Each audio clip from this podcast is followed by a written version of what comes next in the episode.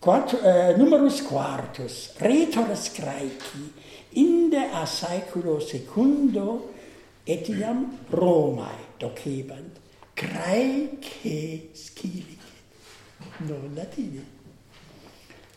Latinas declamationes instituebat anno nonagesimo tertio Plotius Gallus, parvo successu, quoniam displicuit censoribus, era haec institutio, volebant esse institutionem rhetoricam tantum modo graecam. Latinam rhetoricam scribere incohavit Cicero in libris de inventione, tantum modo unam et maximam partem rhetoricae ibi complexus est.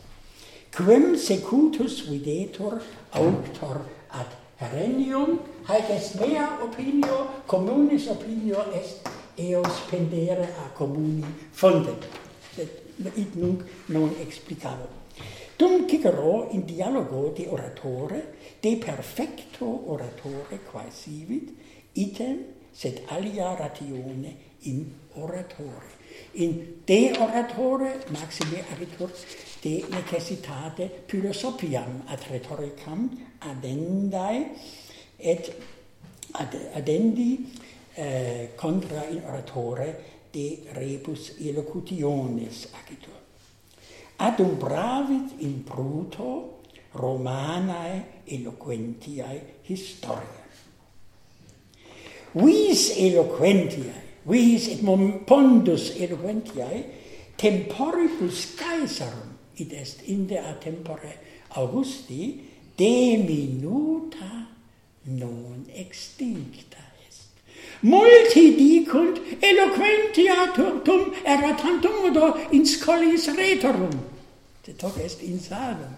Quoniam nemo scolas pretorum ad iset si ea doctrina inutilis fuisit.